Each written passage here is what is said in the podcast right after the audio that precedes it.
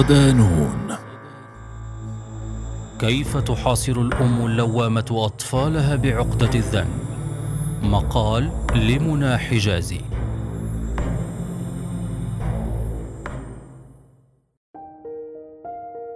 كم مرة انتابك شعور بالذنب مولدا شعورا بالأسى الدفين تجاه العديد من الأمور في عالمك الصغير الخاص؟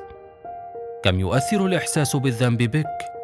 أيعقل أن يأخذنا إلى رغبة بالإصلاح ووعود ذاتية بعدم تكرار الأخطاء مرتين؟ أم يجرنا إلى تعاطف يتجاوز الخطأ ثم ما يلبث أن يتكرر؟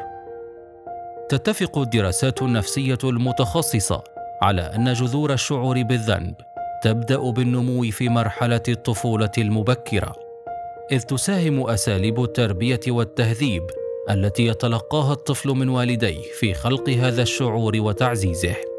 وكذلك نوع التعلق بينه وبين أمه على وجه الخصوص. فالأم التي تتعمد إشعار أبنائها بالذنب وابتزازهم من خلاله وإلقاء اللوم عليهم وإشعارهم بأن تصرفاتها المؤذية هي نتيجة لأخطائهم. تكون قادرة على التلاعب بالأطفال وإيقاعهم في فخاخ الشعور بالذنب والسيطرة عليهم. فماذا لو كانت هذه العلاقة مبنية بالأساس على الشعور بالذنب؟ وهل تتعمد بعض الأمهات نمطا معينا في التربية يولد الذنب؟ تجربة حية. اعتاد أبي أن يؤذيها ويهملها كليا. لم تحصل على الطلاق قبل وفاته كما لم تحصل على الحياة كما تخطط.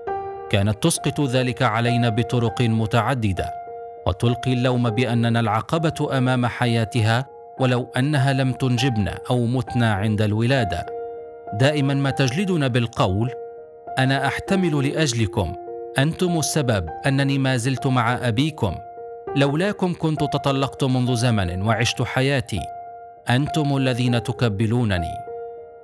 في تعليقها تقول صفا حموده استشارية ومدرسة الطب النفسي وعلاج الإدمان بكلية الطب البشري في جامعة الأزهر بمصر.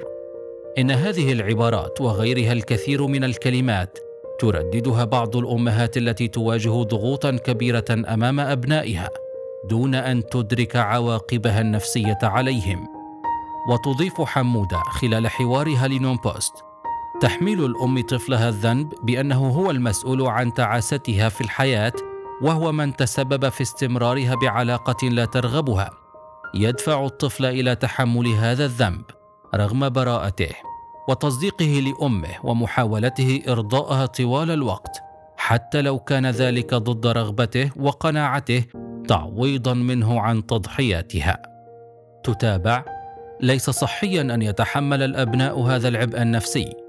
إذ يعزز تأنيب الضمير المستمر لديهم عقد الذنب تجاه الأم اولا وتنتقل لغيرها من الأشخاص حيث تنشأ عقدة الذنب بسبب الإسراف في تأثيم الطفل وتهويل ذنوبه وأخطائه فيشب على تضخيم مخالفاته البسيطة ويعتريه شعور بأنه مذنب يستحق العقاب ويستعذب الألم والمرض تكفيرا عما يتوهم أنه اقترفه. وكل ذلك يعرضهم للاستغلال العاطفي. ومن جانب آخر قد تتحول هذه العقدة إلى اكتئاب يدمر نفسياتهم وحياتهم. من جهته يؤكد أحمد محمد الحواجري استشاري وخبير إرشاد نفسي دولي أن الأمة هي المدرسة الحقيقية والمرشد والموجه الأول لسلوك الطفل وعليها تقع المسؤولية الكبرى في نمو الطفل وبناء شخصيته. وأي خلل في هذا الدور يؤدي إلى خلل في نمو الطفل وبناء شخصيته. ولكن خلال هذه الرحلة تلجأ بعض الأمهات إلى اللوم الزائد عن حده ما يهدد نمو الطفل الطبيعي. ويوضح لنون بوست أن عقدة الذنب هي تركيب من مشاعر مدمرة مضطربة تدور حول الذات واللوم الشديد للذات وعقابها. وقد يكون مصدر هذه المشاعر هو تضخم الضمير وقسوته وتزمته وذلك يعود إلى تراكمات الماضي. وبين أن الآثار الناجمة عن عقدة الذنب تتمثل باللوم الشديد للذات ومعاقبتها وتوبيخها والبعد عن المستوى الطبيعي للسلوك والفشل في التواصل وتكوين علاقات اجتماعية سوية إلى جانب ضعف الإنجاز وعدم النجاح في العمل. بين شعور الذنب والاكتئاب. قالت نتائج دراسة جديدة نشرت في مجلة جاما لطب الأطفال إن الإحساس بالذنب واكتئاب الطفل في مرحلة ما قبل المدرسة يؤدي إلى تغيرات في منطقة بالدماغ مسؤولة عن العاطفة والوعي الذاتي والإدراك وأن هذه العلامات التشريحية تؤدي إلى انكماش يمكن أن يساعد على التنبؤ بمخاطر الاكتئاب في المستقبل. اجرت دراسه فريق بحث بقيادة البروفيسور أندرو بيلدن الأستاذ المساعد للطب النفسي في جامعة واشنطن وشارك في الدراسة 306 أطفال لمدة ثلاث سنوات. أعمارهم بين ثلاث وست سنوات. في بداية الدراسة خضعوا لتقييم للاكتئاب ثم تم إجراء مسح بالرنين المغناطيسي لهم كل 18 شهرا خلال المرحلة العمرية من 6 إلى 12 عاما. تم تشخيص 47 حالة اكتئاب بين الأطفال المشاركين خلال سنوات ما قبل المدرسة وتأكد وجود 82 حالة اكتئاب بينهم فيما بعد. وكان 55% من الذين يعانون من الاكتئاب لديهم علامات الذنب المرضية.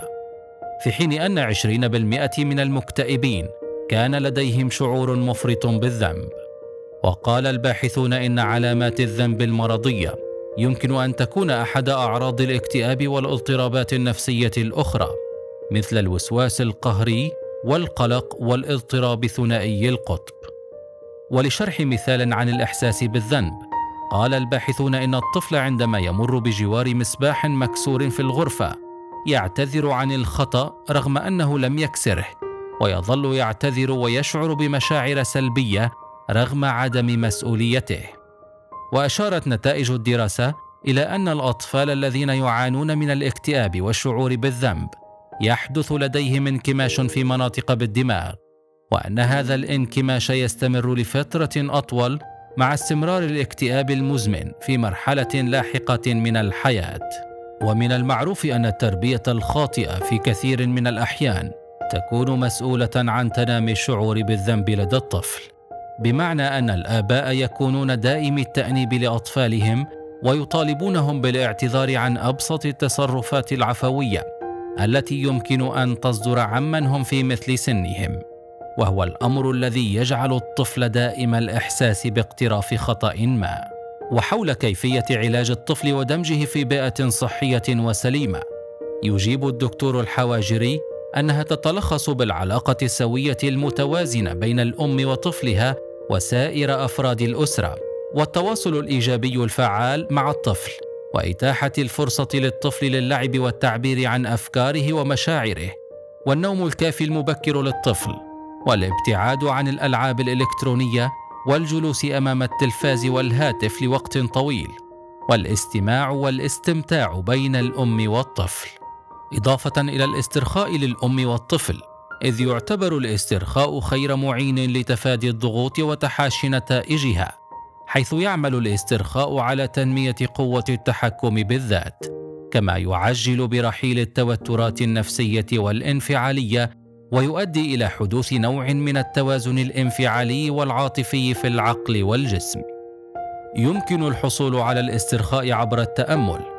الذي يعتبر من أنجح الوسائل التي تخفف من عبء الضغوط وتعزز الصحة الجسدية والنفسية فهو يساهم في تهدئة الأفكار الداخلية وفي إبعاد مشاعر العجز واليأس والعزلة وفي جلب الراحة النفسية والطمأنينة وفي إرخاء العضلات وزيادة الوعي وصفاء الذهن وتحسين المزاج وترتيب الأفكار وتسلسل الأولويات.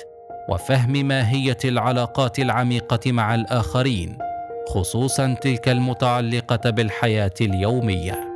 بالنهاية وعقب تجاوز مرحلة الطفولة إلى البلوغ والنضج يبدأ الأبناء في تقبل تجاربهم والتعامل مع الجروح الناتجة عن العلاقة السامة بالأم. لكن هذا الإدراك يصاحبه شعور ساحق بالخسارة والخذلان واحتياج مستمر إلى القبول والحب الأمومي المفقود.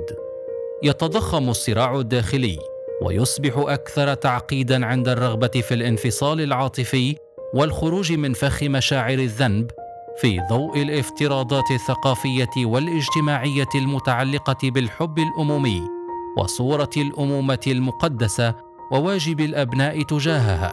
فهناك محاكمة منعقدة دائما في رؤوس الأبناء رغم أن أبناء العلاقة السامة لم يختبروا الصورة الذهنية النمطية عن الأم.